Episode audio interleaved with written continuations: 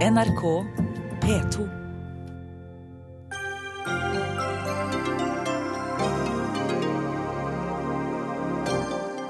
Kripos på plass i Lærdal for å finne årsaken til storbrannen.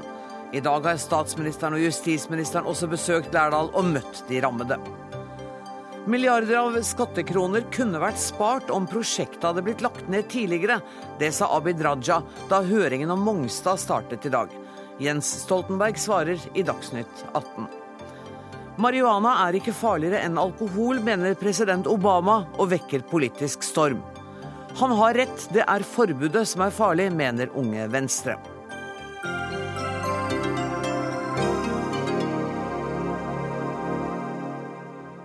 Dette er Dagsnytt 18 denne mandagen, der vi også skal møte forfatteren Ingvild Rishøi, som høster kritikerlovord for sine noveller. Men aller først i denne sendingen skal vi til Lærdal og storbrannen der. I dag kom Kripos til bygda for å bistå i arbeidet med å finne ut hvordan brannen startet. 23 bygninger er mer eller mindre totalskadd, og sykehuset i Lærdal har behandlet, har behandlet om lag 450 personer etter brannen, to av dem med alvorlige røykskader. Justisminister Anders Anundsen, du var sammen med statsministeren i Lærdal i dag. Hvordan var det? Det, er, det, gir veldig veldig sterke inntrykk. Snakke med mennesker som har mista nesten alt de eier. Har vært inne i en veldig dramatisk situasjon. Og Det gir uutslettelig inntrykk. og Det er en veldig spesiell følelse rett og slett å gå der oppe og se hvordan brannen har herja på en sånn måte at det har vært helt umulig antagelig å se for seg hvordan dette skulle gå. Fordi den har hoppet over hus, den har hoppet over lange strekk. Og det har i realiteten vært mange forskjellige brannkamper som har skjedd samtidig. Så det har vært gjort en stor innsats fra veldig mange i Lærdal, og det står det stor respekt Hvilket inntrykk gjorde det på deg å snakke med dem som var rammet av flammehavet? Det var veldig sterkt. Og det var også noen som uh, gikk ned på branntomta og så det nedbrente huset sitt for første gang. Mm. Og det gir uutslettelig inntrykk. Og så var alle selvfølgelig glad for at uh, det ikke var gått menneskeliv, og at ikke noen har vært veldig hardt skadd. men det er klart at det er mye dramatikk i mange av de opplevelsene som folk i Lærdal har hatt. Sånn som du vurderer det, hva slags hjelp har Lærdal størst behov for nå? Nå er det jo først og fremst viktig å få på plass strømforsyning igjen, og sikre at kommunikasjonen ut av Lærdal kommer på plass. Det er transportert inn mye strømaggregater, som gjør at deler av området har midlertidig strømdekning på aggregatbasis. Og å sørge for at de fungerer over tid, inntil en får det faste strømnettet på plass. Så det er jo en utfordring nå. Hvis været blir kaldere og forholdene, værforholdene vanskeligere, så er det en veldig krevende situasjon fortsatt i Lærdal. Jeg skal ikke be deg om en totalvurdering av det arbeidet som er gjort, men hva, hva er ditt førsteinntrykk av de etatene som du har ansvaret for? Førsteinntrykket er egentlig veldig bra. og Vi har møtt alle etatene i dag og kriseledelsen i kommunen. og Alle er egentlig ganske fornøyd med den måten de har klart å håndtere den veldig vanskelige situasjonen på.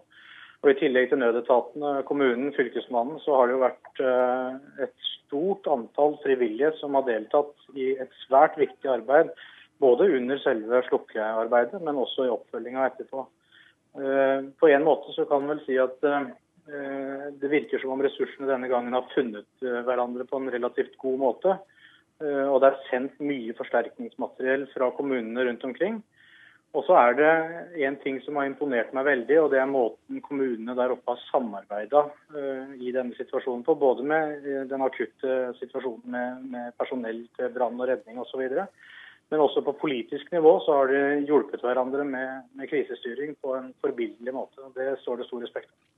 Jeg vet at du sitter i et møte og er travel opptatt, så du skal ha tusen takk for at du var med i Dagsnytt 18, justisminister Anders Anundsen. Direktør Jon Lea i Direktoratet for samfunnssikkerhet og beredskap. I en tilsynsrapport som dere sendte i april i fjor, kommer det frem at Lærdal og Årdal ikke hadde tilfredsstillende forebyggende arbeid med tanke på brann. Ble det gjort noe etter den rapporten? Ja, vi har hatt en Dette var en del av en større sak som dreide seg om forholde seg til alle landets kommuner. Og dreide seg om forebygging. Og ikke håndtering og beredskap, men forebygging. Mm. Og svært mange har en eller annen anmerkning, så også Lærdal og, og Årdal. Og i ettertid så har da kommunen lagt fram en plan for hvordan de hadde tenkt å følge opp de punktene som vi hadde i vår rapport. Eh, og etter det så fant vi det tilfredsstillende eh, med den tilbakemeldingen som vi fikk. Og nå skal altså eh, brannen granskes. Er det en rutinemessig gransking? Jeg vil ikke si at den skal, skal granskes, men vi skylder selvfølgelig Eh, de som eh, bor der og alle andre, og de som har jobbet eh, i nødetatene, lokalbefolkningen, å lære maksimalt av det som har foregått. For jeg tror nok at det er veldig mye å lære positivt også for et fantastisk lokalsamfunn som har stått opp og gjort det de har gjort. Og så må vi da også se i hvilken grad uh, de og vi og alle andre har vært gode nok på uh, forebygging og hva slags system vi har for håndtering. Og det er selv om Eh, vi nå betrakter dette som en, eh, en storslagen dugnad for å unngå noe som var enda verre, mm. så uh, fins det ingen grunn til ikke å se på alle de tingene som kunne tenkes å, å, bli bedre, og som vi kan lære av. Det kom noen meldinger om at dere vurderte en ekstern gransking, men det er det ikke snakk om? Nei, det er ikke snakk om en ekstern gransking. Men alle aktørene må se på dette, og i særdeleshet må vi se på samarbeidet og forebyggingsdelen. Da skal vi snakke med ordføreren i Lærdal, Jan Geir Solheim. Hvor god oversikt har dere nå over omfanget av det, denne brannen? Ja, nå har vi nesten full oversikt over omfang. Det vi ikke har oversikt over, det er de husene vi ikke har vært inne i. Eh, fordi at eh, eierne ikke har gitt tilgang av politiet. Men vet dere noe, noe mer om hvor brannen startet? Ja, de, Politiet er ganske sikre på at de vet hvor brannen startet. Det, det, står om to hus, sånn jeg har forstått det. Men ingenting om brannårsaken er klart foreløpig, selvfølgelig. Det er jo derfor Kripos er kommet. Nettopp. og det, det er bare å avvente etterforskning. Jeg har ikke hørt noen ting om hva årsaken kan være. Du, Vi hørte at eh, strømmen var kommet tilbake, men sånn som jeg har forstått det, så er det redusert strømtilgang, og det går på aggregater. Er det riktig? Ja, det er helt riktig. Det går på aggregater. sånn at vi faser inn soner kan du si, av Lærdal. Der eh, etter hvert Så alle har fortsatt ikke fått strøm. Og folk er oppfordret, de som har strøm, er oppfordret til å redusere bruken, sånn at alle skal få litt, ikke sant? Det stemmer. Hvor lenge vil den situasjonen vare? Ja, Den vil nok vare fram til vi har stabil situasjon igjen. Det som viste seg, var at når folk eh, forlot husene sine, så sto det meste på. Mm. Sånn at Når strømmen har vært borte, så går varmekabler av, så går eh, varmeovner med termostater av og varmtvannsspreder. Når de prøver å slå på igjen, så får de et enormt eh, strømforbruk i startøyeblikket. Jeg hadde justisministeren med på telefonen i begynnelsen av sendingen. Han var imponert over det samarbeidet som mellom kommunene, både på det politiske og det praktiske plan. Er du fornøyd med den støtten du har fått kommunalt? Ja, det må jeg si at jeg er eh, veldig fornøyd, og jeg er veldig imponert over den hjelp og den eh, støtte vi har fått. Og torsdag kommer eh, kongeparet på besøk, har jeg forstått? Ja, det gjør de. Hvordan forbereder dere på, dere på det i denne situasjonen? Eh, vi fikk jo beskjeden i dag, vi òg, så vi har ikke rekket å gjort så veldig store forberedelser ennå. Men vi kommer til å ta veldig godt imot kongeparet. Ordfører, kan jeg be deg gi telefonen til reporter Silje Guddal, som jeg tror står ved siden av deg? Får jeg snakket litt med henne også? Vær så god. Takk skal dere ha. Takk skal du ha. Silje Gud... Ja, du, eh, som vi hørte, så har altså både statsministeren og justisministeren vært på besøk i dag. Hva, hva var det de gjorde der? De starta med et besøk på, på Lærdal sykehus. Eh, møtte ansatte der som da i løpet av kort tid eh, fikk inn 400 pasienter på dette vesle lokalsykehuset og diagnoserte dem og sendte dem videre til dette eh, behandlinga. Så videre hvor Erna Solberg og justisministeren på et, et grendahus og møtte der barnehagebarn og, og skoleelever som i dag ikke hadde en plass å, å gå på. De hadde ikke skole, hadde ikke barnehage. For den var iskald, mørk og uten strøm og, og lærere. Og det var også barnehagetilsatte som ikke hadde et arbeid å gå til. Og selvsagt også ikke minst evakuerte lærdøler som eh, hadde måttet søke tilflukt hos eh, en nabo eller familie fordi at eh, enten huset deres var nedbrunnet eller ja, rett og slett i stor fare for å ja, bli slukt av flammene natt til søndag. Hvordan opplever du stemningen nå snart to døgn etter at det begynte å brenne? Det er litt sånn, det største sjokket har vel lagt seg, og så har en begynt å, å ta inn over seg omfanget av det som har skjedd, og ikke minst hvor heldig en var at det ikke her eh, røk det menneskeliv med. Det er, Folk opplever jeg har vanskelig med å sette ord på det, rett og slett. For det er, En har ingenting å sammenligne det her med. Det er den største brannen i, i kommunens historie, og kanskje i, i landet i Norge, på, på, veldig, veldig mange år. Så folk er rake i ryggen og, og måte godt mot, men finner det vanskelig å beskrive rett og slett det som har skjedd med den vesle bygda deres. Tusen takk for at du var med i Dagsnytt 18, Silje Gudal, reporter i Lærdal. Eh, Jon Lea, litt tilbake til når en sånn katastrofe rammer, eh, og mobilnettet blir utilgjengelige, fasttelefonene er tilgjengelige. Hvilken måte kan nødetatene da kommunisere på? Ja, De har jo ulike typer samband som uh, til dels var oppe og gikk nå. Men også kommer da det nye nødnettet som skal være oppe og gå der borte i vinteren, våren 2015. Eh, men eh, som allerede planlagt for lenge siden, så rulles det ut eh, fra Østlandet og nordover, og når da Sogn og Fjordane i 2015. Og det ville kanskje avhjulpet situasjonen, men det vet vi ikke. Så det blir jo da en av de faktorene som vi må se nærmere på når vi evaluerer.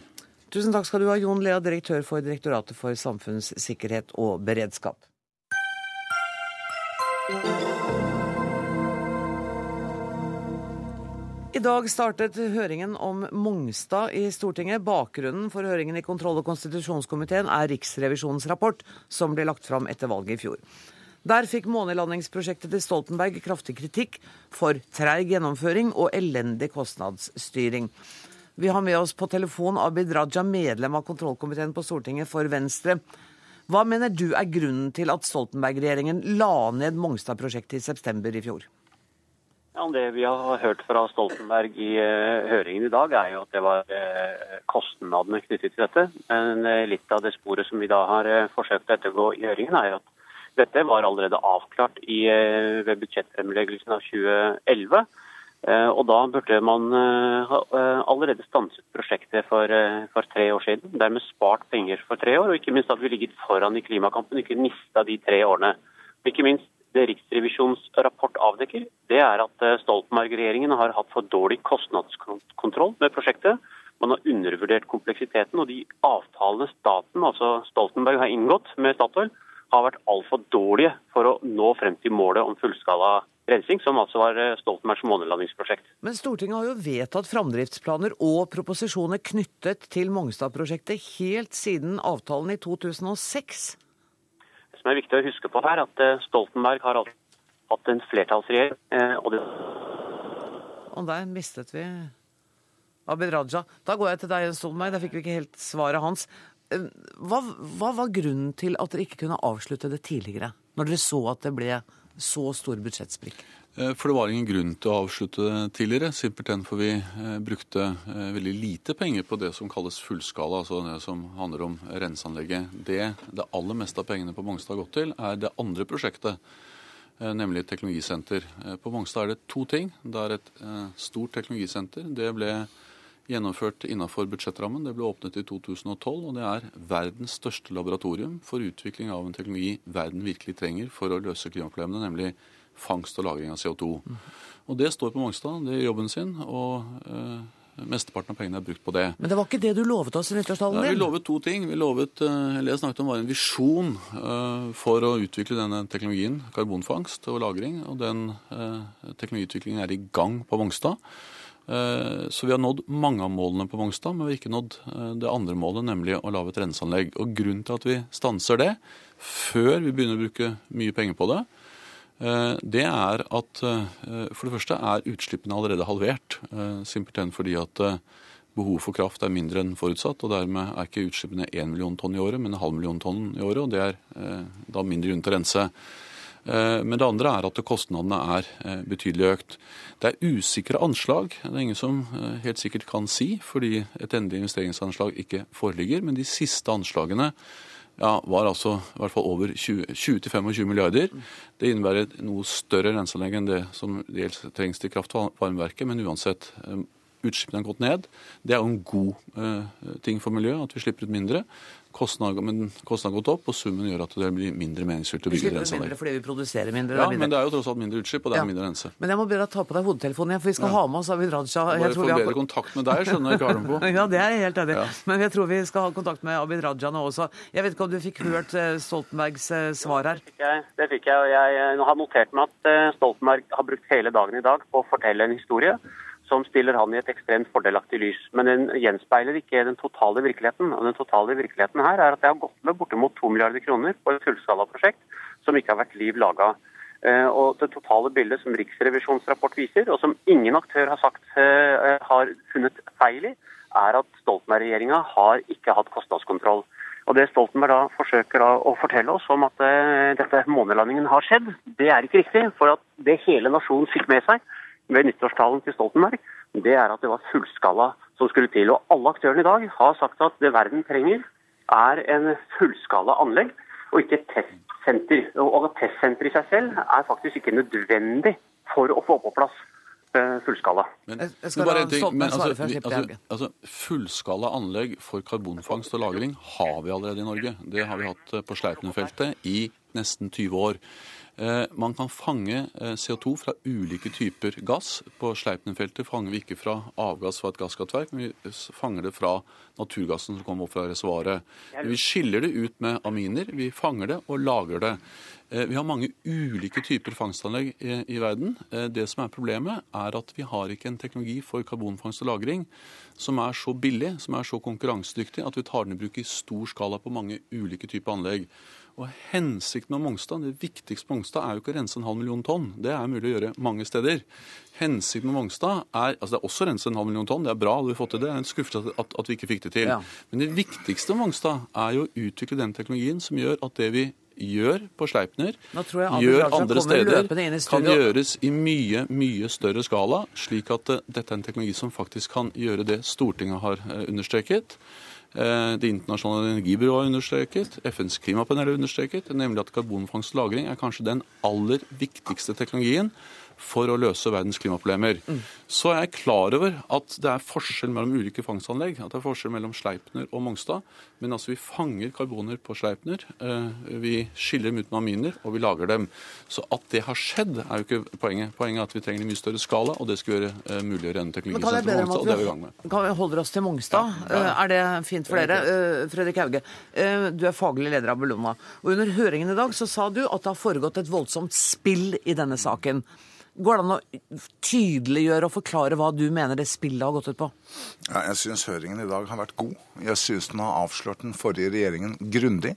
Jeg syns det må være svært pinlig for Stoltenberg å ha sittet og referert til et kostnadstall på 20-25 milliarder kroner gjentatte ganger i høringen i dag.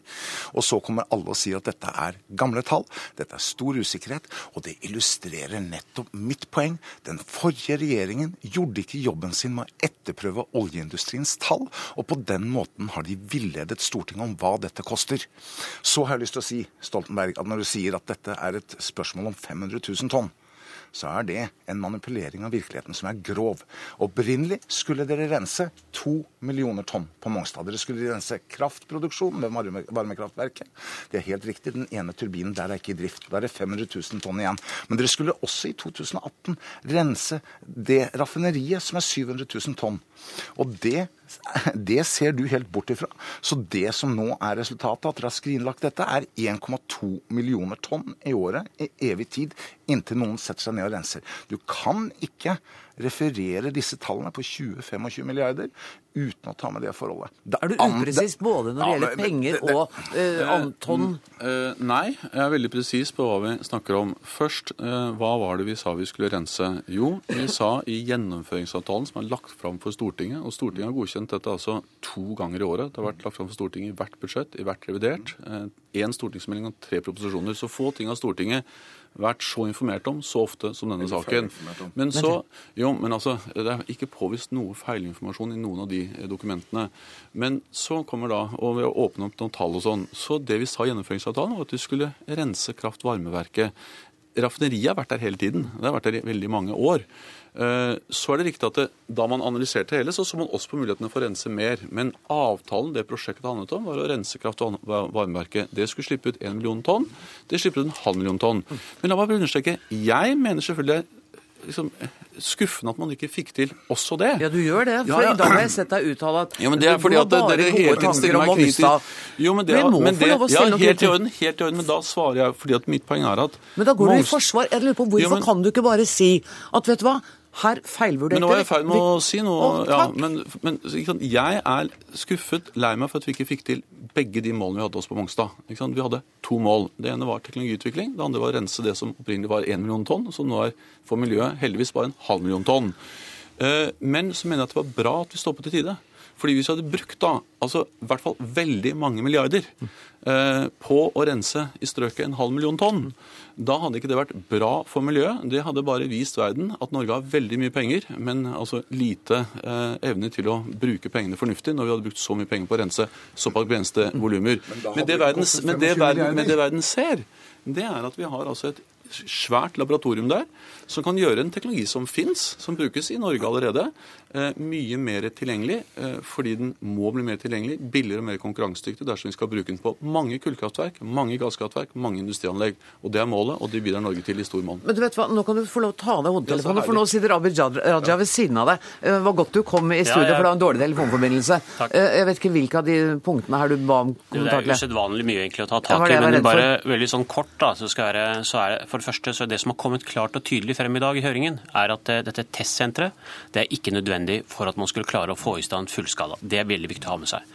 Og Det andre jeg reagerer på Stoltenberg, det er at han har brukt hele dagen på å snakke om de store pengene og de små pengene. Og i min verden er altså bortimot 4 milliarder kroner ikke små penger. To milliarder har gått med til fullskala planlegging av på Kårstø og Mongstad. Dette skriver da altså Riksrevisjonen. Resten har gått med til Gassnova, Climit eh, og forskning på dette. Altså, Dette er ikke små penger. Og selv om du ser bort fra dette, og kun legger de to milliardene til grunn, som er planleggingskostnadene, i min verden er det veldig mye penger. Og når da Riksrevisjonen slår fast at eh, Stoltenberg-regjeringen har hatt dårlig kostnadskontroll, så mener jeg det er ganske hard kritikk å få for eh, en regjering som er veldig opptatt av å ha kostnadskontroll. Og man, jeg håpet virkelig på at i høringen i dag så skulle vi få, få en del selvkritikk. Og jeg håpet faktisk på at eh, Stoltenberg skulle svare mer presist på spørsmålet, eh, enn å forsøke å dukke unna de vanskelige spørsmålene. Men skal vi ta det ene konkrete, som er å gå rett på fullskala eh, rensing, og droppe leddet med dette to milliarder er ikke småpenger. Eh, Hadde vi gjort det, så hadde vi først havnet mot veldig tunge faglige anbefalinger tilbake i 2006. Eh, For det andre så la vi det fram for Stortinget, og Stortinget sluttet seg enstemmig til at vi skulle ta det eh, som to prosjekter, med den informasjonen som da forelå i 2006. Men det tredje, og det mener jeg faktisk er det viktigste, det er at ikke sant, det vi har fått, er jo noe veldig viktig. Vi har fått et laboratorium, et eh, teknologisenter, som flere internasjonale selskaper eh, deltar i der de tester ulike teknologier på ulike typer gasser, eh, og som gjør at her kan man teste både for kullkraftverk, for gasskraftverk og andre typer gasser. Det er en stor verdi i seg selv. Det hadde vi ikke fått. Det er ikke bortkastede penger. Jeg mener at Noe av det mest fornuftige vi kan bruke penger på i vår tid, er nettopp å gjøre økonomien grønnere. Få til den teknologien som Stortinget, Det internasjonale energibyrået, FNs klimapanel har sagt er kanskje den enkeltstående teknologien som er viktigst for å redusere verdens utslipp. Og så, og så, og så er det klart at da hadde vi i tillegg eh, fått til et renseanlegg, så hadde det vært enda bedre. Men det jeg prøver å si, er at det viktigste er teknologiutviklingen. Eh, Å rense en halv million tonn Ja, CO2 det har du er bra, men også har begrenset betydning i den store sammenhengen. Det var aldri snakk om at det skulle koste 25 milliarder å rense en halv million tonn. Opprinnelig i gjennomføringsavtalen var det en avtale både om varmekraftverket og raffineriet. Det var snakk om 25 milliarder i eh, masterplanen for både varmekraftverk og raffineri, og det syns jeg du kan forholde deg ærlig til, Stoltenberg. Og dette støttet jo dere. Ja, Dere var jo ikke det minste kritiske, så vidt jeg husker. Vi ønsket en annen modell. Vi ønsket at Petoro skulle ha en sentral rolle. Jo. Det fikk vi ikke til. Så var det det at da sto man i den situasjonen at vi mente at for omtrent halvparten av den prisen som var skissert av denne regjeringen, kunne vi få renset nærmere to millioner tonn innen 2018. Det trengs CCS på kraftverk. Men jeg Altså mener, karbonfangst. ja, jeg mener jo at det egentlig ikke er altså, Jeg er ikke noe glad i avtalen, men den er ganske normal for oljeindustrien. Det er kontrollen og gjennomføringen av den. Det er at man ukritisk har godtatt Statoils tall på 25 okay. milliarder, og dette med kreftfare, som utsatte saken til 2016. Jeg syns høringen i dag fullstendig har dokumentert at dette var to fiktive grunner til å utsette saken. la, la oss gå til det lille poenget som ikke så lite heller, som Abid Raja hadde, nemlig at man kunne gått på ren fullskala rensing. Det hevdet vi når dette ble etablert. Og grunnen til at man skulle bygge et testsenter, var at man skulle eh, Man mente at man ikke kunne datasimulere dette mer enn ti ganger, så man måtte rense 100 000 tonn. Og så kunne man datamodellere hvordan man gjorde det på 1 million tonn. Men både anlegget til Sask Power og til Boundary Dam viser jo at vi kunne ha gått rett på. Det har vært vårt primære standpunkt hele tiden. Nå ble det jeg- straks litt for detaljert for det meg. er to Men, anlegg som er Abid bygd for en langt lavere pris i Canada. Men er dere helt uenige med Stoltenberg som sier at det er viktig å få opp den kompetansen, teknologien og innsikten som dette testsenteret gjør? Nei, altså Jeg må jo gi ros for altså Jeg satt jo eh, hjemme jeg husker veldig godt med kona og hørte på nyttårstalen til Stoltenberg. og Jeg hadde sånn gåsehud. tenkte ikke sant, Månelanding, kjempeprosjekt og veldig bra for miljøet. Men det har jo slått, eh, har jo slått kontra, og det, og det er det som er utfordringen. Vi trengte Testsenteret er en, det er en fin satsing, eh, men det som er viktig å få frem her, den er ikke nødvendig for å få på plass fullskala. Men den er nødvendig for å få opp kompetansen og utvikle teknologien, er det ikke det? Ja, det? hører lyver på- Ja, men Stoltenberg. ikke sant, jeg, sant, Verken jeg eller Stoltenberg er sånn teknologer, men både Nei. i dag så har vi Zero, Bellona, Sintef, Gassnova, nesten alle aktørene som har vært inne i dag, eh, har sagt at man kunne gå rett på fullskala. Så det som blir stående igjen etter dette her, det er jo det Riksrevisjonen sier. Avtalen som Stoltenberg inngikk i 2006 var for dårlig. Deretter var oppfølgingen fra Stoltenberg for dårlig. Og dette prosjektet burde ha blitt stanset langt tidligere, og da hadde vi spart masse Da må milliarder få kroner. Stoltenberg få Men altså, her. altså, Først i forhold til avtalen. Det var en avtale som ble framforhandlet. Uh, Statoil er et kommersielt selskap. Det er grenser for hva de kan påta seg av kostnader som ikke er lønnsomme. Uh, Jeg mener at det er riktig at fellesskapet, staten, bruker penger på å redde miljøet. Eh, Og, og vi må betale Statoil for det. og Statoil er et selskap som tar eh, klima på alvor, men de kan ikke overprøve alle kommersielle eh, vurderinger. Det andre er at man snakker som om man ikke har fått noe igjen. Altså, Det aller meste av pengene er brukt på dette teknologisenteret, og det som er brukt på planlegging av et fullskala anlegg, det har vært det som kalles kvali teknologikvalifisering. Også det er teknologiutvikling. Okay. I 2014 sto vi med et veiskille. Da skulle vi begynne å bruke penger på selve renseanlegget. Det gir ikke noe teknologiutvikling, det gir ikke noen ringvirkninger. Der stoppet vi i tide, har ikke brukt penger på det. Da må jeg si tusen takk til dere, mine herrer. Takk til Abid Raja, takk til Jens Stoltenberg og takk til Fredrik Hauge. Inn i studio kommer nå nemlig kollega Magnus Takvam, for vi skal ikke gi oss helt med dagens store sak i Stortinget. Og du har fulgt høringen fra i dag morges. Jeg vet ikke, ble du noe klokere av denne runden? Egentlig ikke. Vi fikk vel eh, eh, bekreftet eh, to helt forskjellige virkelighetsoppfatninger av denne saken. Og det var jo tilfellet også i, i høringen i dag. Jeg tror eh, man må minne litt om utgangspunktet for Mongstad-saken. Konteksten politisk i, i 2006. Eh, Da hadde den rød-grønne regjeringen i sin plattform eh, sagt at den skulle rense gasskraftverk fra dag én. Og så dukket denne søknaden om dette kraftverket på Mongstad opp fra Statoil. Så det var ikke funnet opp på en måte den søknaden da regjeringen ble etablert. Og regjeringen ble presset fra to hold fra skal vi si, industridelen av Arbeiderpartiet på den ene siden, som, eh, som, var livredd for at regjeringen skulle legge for strenge krav på utslipp osv. For, for Statoil, slik at arbeidsplasser og hele prosjektet på Mongstad med raffineri osv. ikke ble noe av det presset på den ene siden, og så miljøbevegelsen via SV inn i regjering om rensing fra dag én. Og dette ble jo en voldsom intern eh, kamp i regjeringen, som da endte med det kompromisset vi kjenner i dag. Og det er klart at det å velge Mongstad som modell for å rense CO2 er noe man aldri ville gjort hvis man kunne starte på null og velge et, et eh, sted for å gjennomføre et slikt prosjekt. Det ble tvunget fram på en måte av den politiske virkeligheten på denne tiden. Hvorfor ville man ikke valgt Mongstad? Fordi det allerede sto der og det var komplisert? Ja, fordi ja. som vi har fått demonstrert gjennom utallige liksom, uttalelser, så er det et hot prosjekt. Altså det er rør og ledninger og, og veldig krevende å installere parallelt med å drifte anlegget et uh, renseanlegg. Uh, sånn at det, det gjorde at veldig mange av utgiftene til prosjektet var, eh, hadde sin rot nettopp i at det lå der. ikke sant? Og Da er det jo et spørsmål om hvor mange milliarder skal man bruke eh, på det, om man ikke kunne brukt pengene bedre på, på andre steder. Men har Abid Raja rett i at det kunne vært stanset for tre år siden? Ja, altså Det kunne det helt opplagt. Men vi, vi skal være følge Når vi hørte Stoltenberg i dag, så var han jo veldig nøye med å hele tiden peke på at Stortinget enstemmig ga tilslutning til de ulike kontroversielle beslutningene underveis. Slik at det er ikke bare den rød-grønne regjeringen for så vidt som hefter for, for det som skjedde. Eh, men jeg mener det er relevant å spørre om man ikke allerede i 2010-2011 burde stukket fingeren i jorda og spurt seg om med de kostnadene det lå an til, og med den, redus, den reduserte utslippsmengden av CO2, burde kanskje revurdert det hele. Men det er klart, det ville ikke SV i regjering likt. Det var en politisk vanskelig beslutning å ta. Og, sånn er jo politikken. Helt kort til slutt, Vil denne høringen få noen politiske konsekvenser i det hele tatt? Ikke direkte, tror jeg. Det blir en uh, interessant gjennomlysning av hele, hele, prosjektet med utgangspunkt i Riksrevisjonens uh, rapport, som jo kritiserer den modellen man valgte, avtalen med Statoil osv. Og, så og bakteppet for at uh, beslutningen om å skrinlegge dette og få belyst det, det er en interessant sak som, som, er helt legitim å, å, få på bordet.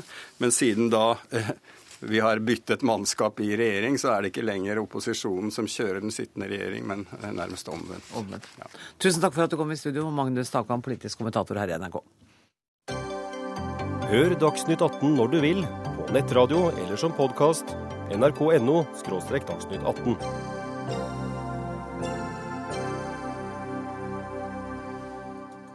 FNs generalsekretær Ban Ki-moon eh, opplyser at det nå pågår intensive, intensive, samtaler etter at den syriske opposisjonsgruppen Nasjonalkoalisjonen truer med å trekke seg fra fredskonferansen i Sveits. FN inviterte nemlig i går Iran til å delta, og nå har den syriske opposisjonen gitt FN en frist til klokka 20 i kveld med å trekke den tilbake. Kristian Berg Harpviken, direktør ved Institutt for fredsforskning, PRIO. Fortell, hva er det som skjer nå? Nei, dette er jo et uh, vanvittig kaos. og Jeg tror ingen av oss veit akkurat hva som, uh, hva som, skjer. Det kom jo som lyn fra klar himmel da uh, Ban Ki-moon inviterte flere nye land til å delta på fredskonferansen. og Det er jo særlig invitasjonen til Iran som vekker sterke reaksjonen. Den syriske nasjonalkoalisjonen var allerede før dette skjedde, ganske avmålt til hele fredskonferansen. De hadde en avstemning hvorav omtrent eh, ja, 40% av de som hadde stemmerett, avsto fra å stemme, og man hadde et visst flertall blant de resterende. Så det viser jo allerede altså at rundt 40 da stemte for å delta på konferansen. Og det var altså før Iran, før Iran var, eh, invitert. var, invitert.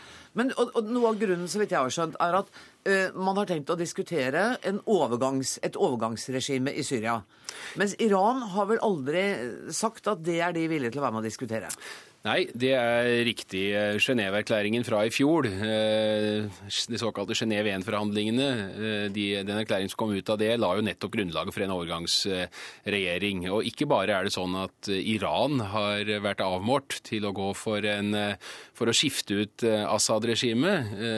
Til alt overmål så har jo Assad-regjeringen selv, i det de har bekreftet sitt nærvær under forhandlingene i Genéve, også eh, Eh, signalisert at de eh, ikke ser for seg en, eh, et overgangsregime. De ser tvert imot for seg en våpenhvile og en fredsavtale som gjør at Assad-regimet kan bli sittende. Så er det noen gang avstanden er stor mellom partene, så må det vel være akkurat her. Og så har både USA og EU stilt seg skeptisk til dette. Ja, eh, jeg vil vel fortsatt minne om det jeg sa innledningsvis, om at her er det, her, her er det kaos og mye vi ikke vet. Eh, det virker jo veldig pussig eh, det som ser ut til å være tilfellet i øyeblikket, nemlig at Ban Ki-moon skal ha invitert iranerne til Genéve uten å konsultere amerikanerne og ledende nasjoner i EU. Det har kommet skarpe reaksjoner både fra Det hvite hus og fra Downing Street, men jeg tror, jeg tror likevel vi skal vente litt, ta litt is i magen og se hva historien historien forteller oss når, når dagene får gått. For Ban Ki-moon er ikke en eh, halsbrekkende diplomat som eh, sender ut prøveballonger og tar initiativ eh, til i øst og vest. Han pleier å gjøre den typen grunnarbeid, særlig overfor sine aller viktigste støttespillere i generalsekretærvervet, nemlig amerikanerne. Men vi kan jo høre med Anders Tvegård, vår USA-korrespondent, om, om han har noe mer. Hvordan er reaksjonene i USA på at Iran er invitert? Altså Det er noen delte oppfatninger, fordi USA forhandler med Iran om atomprogrammet akkurat nå. I dag har USA f.eks. lettet på noen av straffetiltakene. Ønsket er jo at Iran på sikt skal hjelpe til, bruke sin innflytelse for å løse konflikter i så vel Syria som Afghanistan. Men akkurat nå så er ikke tilliten der, og herfra så, så heter det at Iran ikke oppfyller kriteriene for å sitte rundt bordet. USA mener Iran klart må støtte opp under det forrige fredsforsøket, kalt Genéve 1, der målet er en overgangsregjering regjering og demokratiske valg på sikt. Så langt så har ikke Iran gitt gode nok forsikringer. og Her i eh, FN-korridorene i New York så er det klart at USA forventer at FN trekker tilbake invitasjonen, som kom overraskende på flere land, med mindre Iran offentlig i løpet av dagen endrer eh, posisjon. Men dette er jo en ganske kraftig kritikk av eh, FNs generalsekretær fra USA? Altså, Ban Ki-moon holdt en kort kunngjøring i går der han sa at han inviterte med Iran fordi landet har lovet å spille en konstruktiv og positiv rolle. Iran ses også på her som en av nøklene, fordi de støtter opp under regimet i Syria med rådgivere, penger, militært materiell. Russland mener Iran må være med for å ha en meningsfylt konferanse. Vestlige og flere arabiske land er imot, nettopp eh, fordi Iran spiller den rollen eh, landet gjør i, i Syria. Bans folk mener at Iran da har gitt forsikringer om at de støtter en overgang, men her kommer det motstridende meldinger, og uklarheten er, eh, er også det som da er, er kimen til, til denne konflikten som, som har oppstått. Du bekrefter på en måte det kaosbildet som, eh, som eh, Berg Harpøken eh, nettopp skisserte. Men du, til slutt, Anders Tvegård. Kan USA komme til å boikotte disse forhandlingene? Det er lite trolig. De er eh, uenige om eh, utfallet. altså USA og Iran er uenige om utfallet, målet med forhandlingene. og, og Derfor mener USA altså at Iran ikke oppfyller kriteriene. USA vil høre Iran si at de støtter en overgang som baner vei for demokratiske valg. Eh, og Diplomatisk sett så er det også en, en forsiktig oppmykning på gang mellom USA og Iran. USA har ikke varslet eller gitt signaler om at de vil boikotte møtet, men utenriksminister Kerry han er på, på telefonen også i dag, som han har vært i hele helga med Ban Ki-moon for å se hva Irans deltakelse kan gjøre for eh, forhandlingsklimaet i, eh, i Sveits. Kristian Berg Harpviken, Det betyr vel at man må redusere forventningene til denne nye konferansen, i hvert fall? Jeg tror knapt nok det er mulig å tenke seg en, en, konferanse der forventningene har vært lavere, så justere ned de noe særlig mer er nok knappest mulig. Men det optimistene håper på, er jo at man skal klare i hvert fall å få noen sideinitiativer på bordet, og kanskje gjøre framgang på ett eller to av de.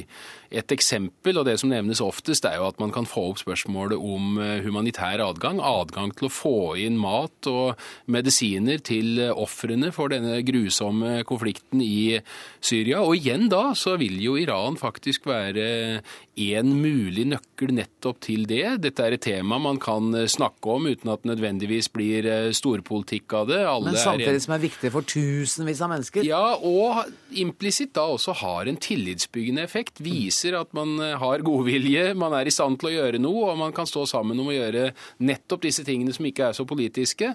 Og så kan det bli en bitte liten grunnstein for det som kanskje etter hvert kan bli reelle politiske prosesser. Men det er veldig langt fram dit. Og Forhandlingene skal altså starte i slutten av denne uka. Tusen takk skal du ha, Kristian Berg Harpviken, og tusen takk også til Anders Tvegård.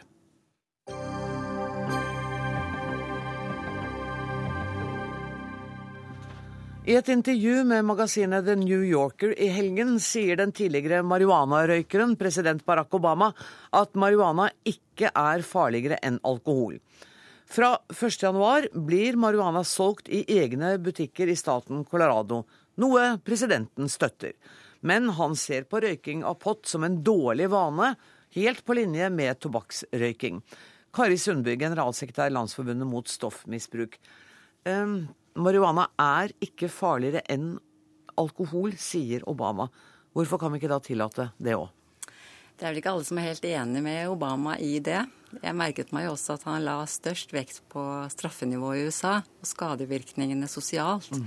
Uh, og det er en annen diskusjon, tenker jeg, som man bør ta i tillegg.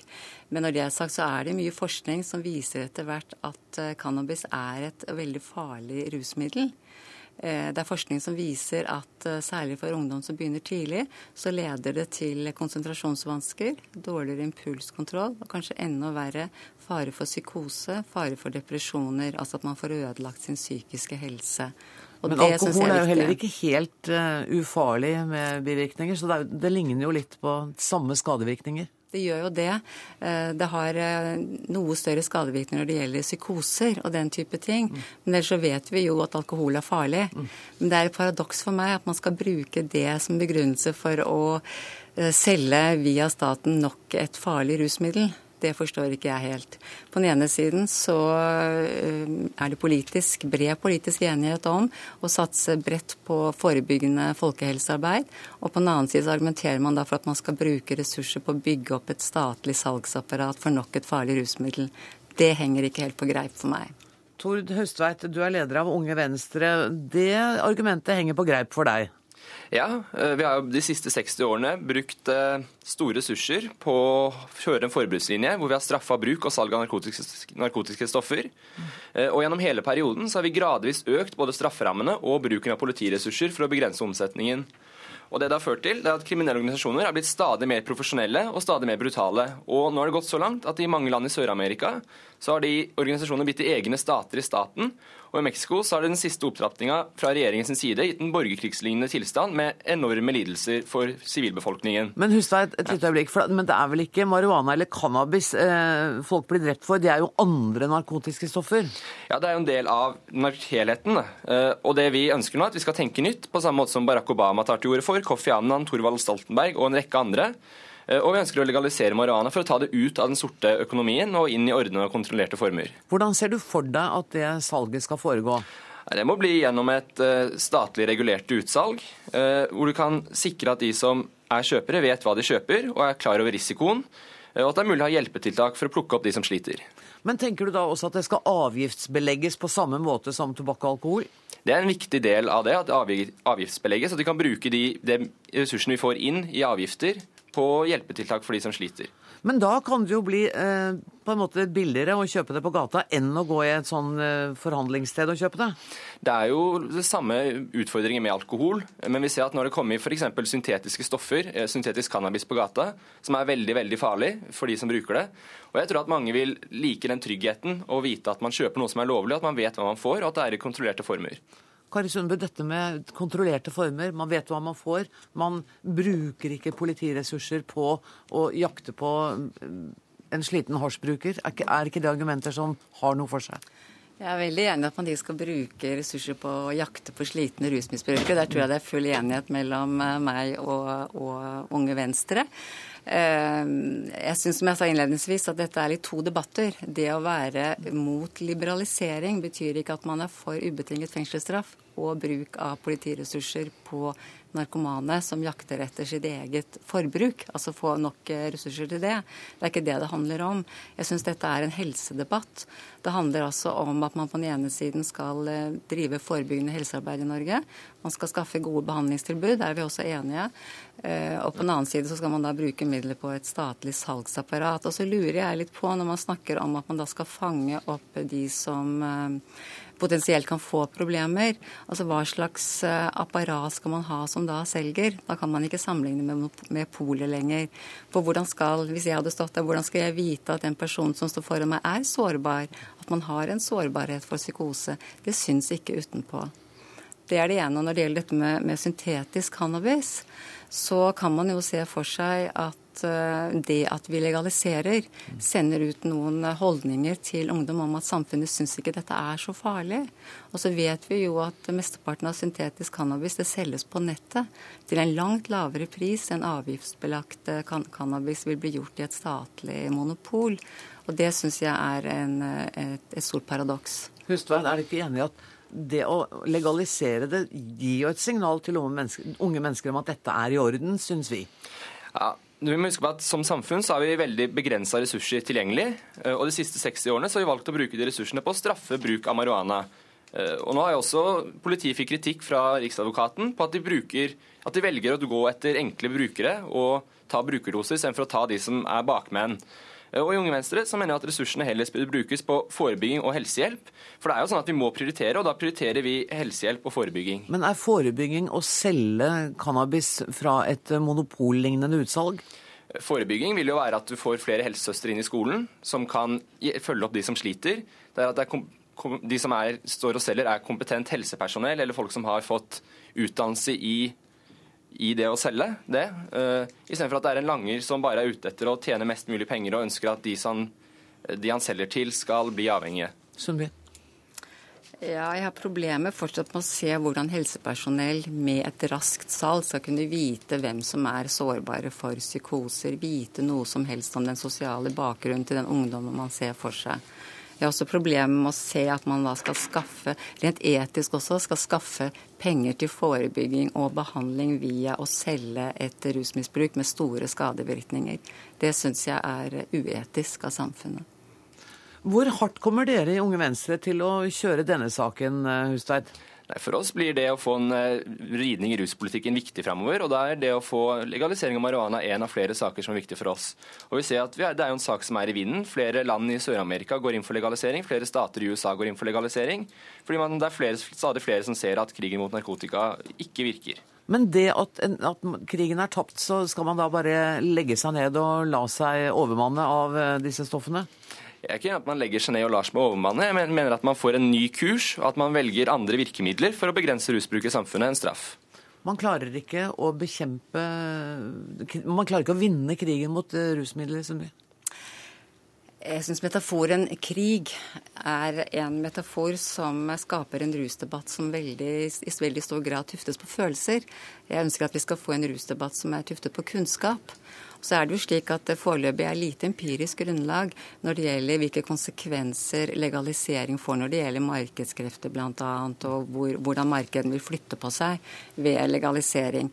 Og Jeg skulle ønske at man eh, ikke behøvde ha så stort hastverk som Venstre har her, og heller samle inn mer kunnskap. Nå har de legalisert i en del delstater i USA. La oss vente og se hva slags eh, empiri får vi på bakgrunn av det. Og da kanskje, kanskje vi kan skape en narkotikapolitikk som er basert på kunnskap og ikke bare på følelser. Og President Obama har i hvert fall bidratt til å gjenopplive debatten. Tusen takk for at dere var med i Dagsnytt 18, Tord Hustveit og Kari Sundby.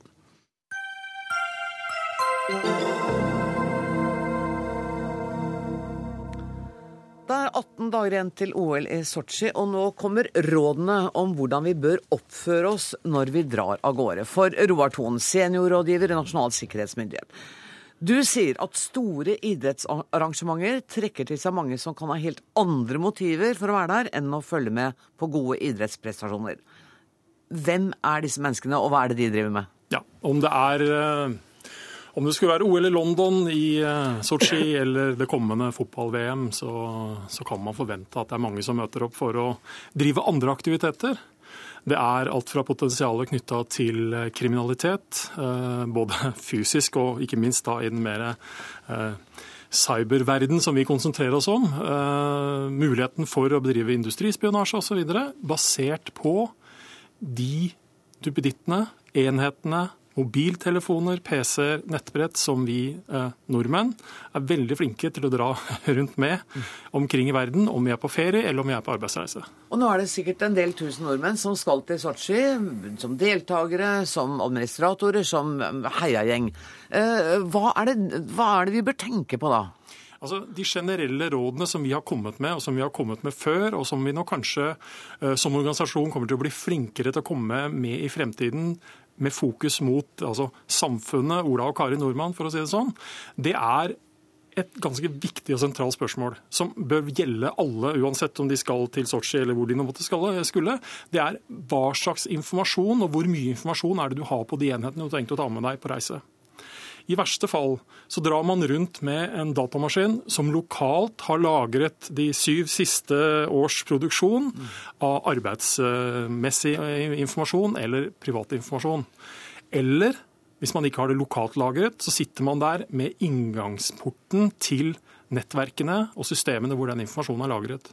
Så både i et privat perspektiv og i et arbeidsmessig perspektiv så bør man være litt mer forsiktig med hva man drar med seg rundt omkring. Men hvorfor skulle noen i verden være det minste interessert i hva jeg har med meg dette handler til syvende og sist ikke om deg og meg som enkeltindivider, men at vi befinner oss i et område eller områder hvor man da altså utsettes for en rekke aktiviteter hvor ikke altså risikoen er betraktelig høyere når vi drar utenfor vår bolig enn når du sitter og surfer hjemme med nettbrettet ditt på ditt mm. eget private nett. Nettopp. Og, og det du uh, sier, jeg leste et sånt lite utkast du hadde skrevet om med noen gode punkter. Enten ha en egen reisemobil. Uh, ja at man utstyrer seg med det? Ja. Altså, og kryptering, da ble det vanskelig for meg. Ja, da ble det straks vanskelig. Og dette er veldig vanskelig. Det er faktisk veldig vanskelig å drive råd og veiledning knytta til dette her. Fordi i det vi sier at bring med en reise-PC, en reisemobil, så treffer ikke det oss som privatpersoner. Hvem er det som på mange måter har, har, det, eller vil tenke på det? Men vi ser flere og flere norske bedrifter og virksomheter som tar dette i bruk for å sikre seg, hvor man rett og slett spør seg hva er det vi trenger for denne turen? Trenger vi noe mer enn muligheten for å gå på e-post og sende en melding hjem? Eh, eller skal, eller skal vi igjen ha med oss hele databasen vår eller, eller forskningsdokumentene våre, som er gull verdt dersom de faller i feil hender. Ideelt sett så hadde du ønsket at vi hadde reist uten mobil og iPad og ja, men det er et råd som hører mer sånn Det, hadde fungert i 1814. Der er det ingen som, hadde, ingen som hadde skjønt hva vi hadde snakket om uansett. Men, så, så, det er balansegangen mellom å være litt mer bevisst på å sikre seg, til det selvsagt at vi da skal være tilgjengelige. Mm. Altså, jeg, jeg, er jo den mening at vi burde egentlig ha skrevet om Maslows behovspyramide, hvor ikke bare vann, mat osv. er med, men det er altså det at vi skal være online hele tida, er også et grunnleggende menneskelig behov, viser det seg. Men nå har vi i hvert fall forsøkt å gi noen råd til dem som skal ut og reise, så kommer du helt sikkert tilbake og skal skremme oss med mer grusomt om hva som kan komme til å skje. Men tusen takk for at du kom i dag, Roar eh, Thon, seniorrådgiver i Nasjonal sikkerhetsmyndighet.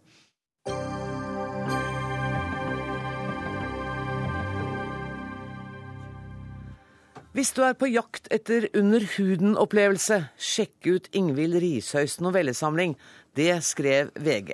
Og Berlingske Tidende mente at samlingen 'Historien om fru Berg' er en pryd for novellekunsten.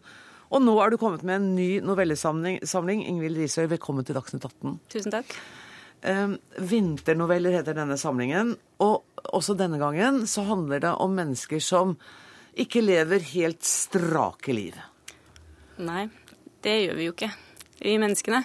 Altså, jeg tenker at disse Det som er felles for de personene i disse novellene, er at de, novellene starter idet de har en krise, opplever en krise som én er blitt dumpa, én er blakk. Det har vi jo alle sammen opplevd. Mm. Uh, men ellers så tenker jeg at disse folka er ikke så veldig annerledes enn deg og meg. Det er bare det at de, de tynes i den, og det er fordi de er noen folk i en bok. og jeg da må det jo tynes for at boka skal bli spennende.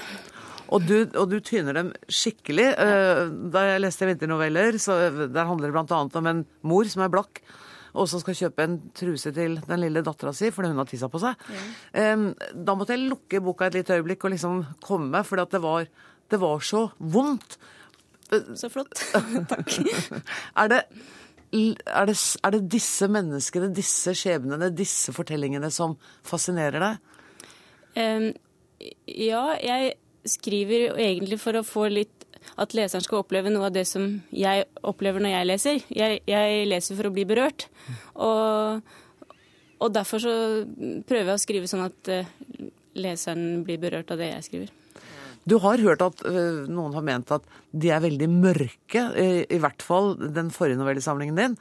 her er det liksom et lys, syns jeg. Et lite lys på slutten. Er, er det også som du har tenkt at jeg kan ikke gjøre det helt svart? Ja, jeg har tenkt at hvis det er sånn at leseren opplever at, at dette er veldig skummelt og, og, mørkt, så trenger ikke jeg å oppfylle den forventningen ved at det skal gå kjempedårlig. Men så, egentlig så er dette jo veldig dumt å si.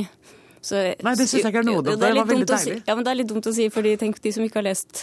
Så vi sier sånn, det kan hende det går kjempedårlig òg. Det kan det, for det er helt åpne slutter i, i alle de novellene der. Du, eh, det har også vært skrevet om deg, så det er jeg helt enig at, at du ser unger. Altså du ser ungene på en måte som få forfattere gjør. Har det også vært et bevisst valg hos deg at ungene skal ha stor plass?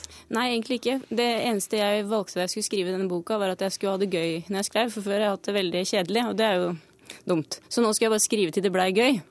Og da gjorde jeg det, og da ble det tilfeldigvis var det noen barn jeg begynte å skrive om. Så det er ikke sånn at jeg har en plan når jeg begynner å skrive. Du, du, du hadde det ikke kjedelig da du skrev historien om fru Berg? Jo, jo. Veldig. Altså, Nei, jo, fordi, altså, en, eh, det er fordi at jeg hadde en plan om hvordan novellene skulle bli, mens denne gangen er de skrevet uten at jeg veit det, og da blir jeg overraska sjøl. Og, og, da er det jo mye morsommere å sitte der.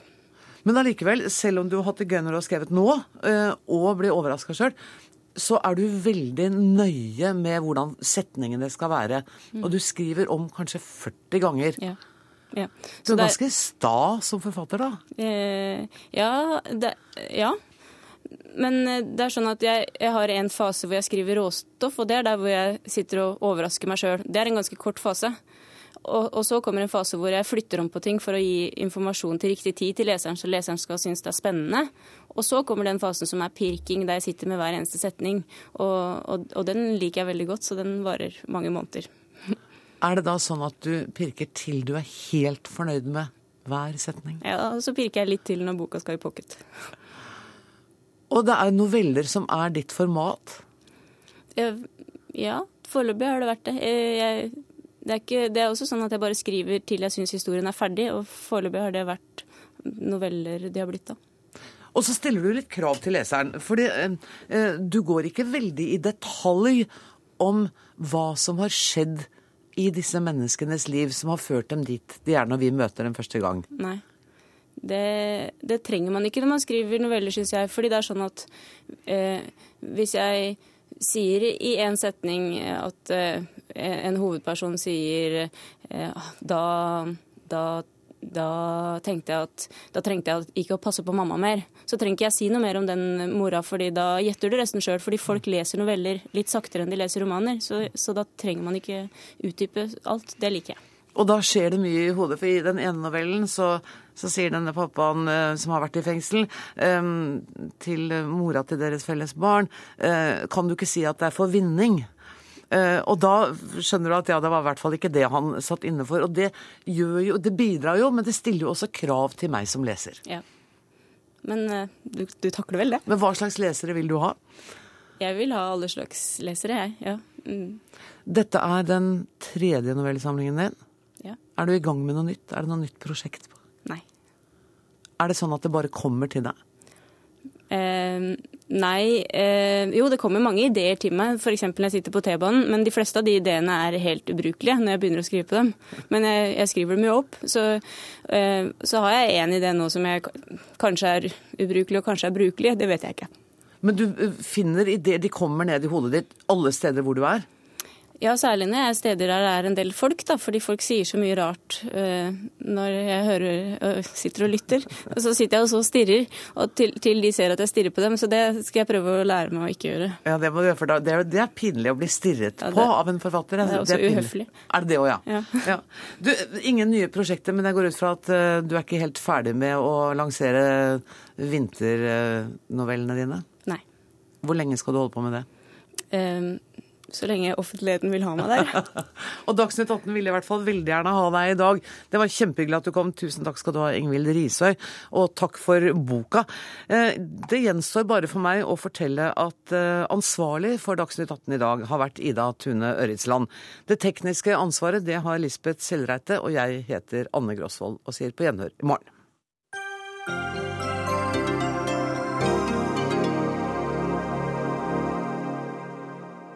Hør flere podkaster på nrk.no podkast.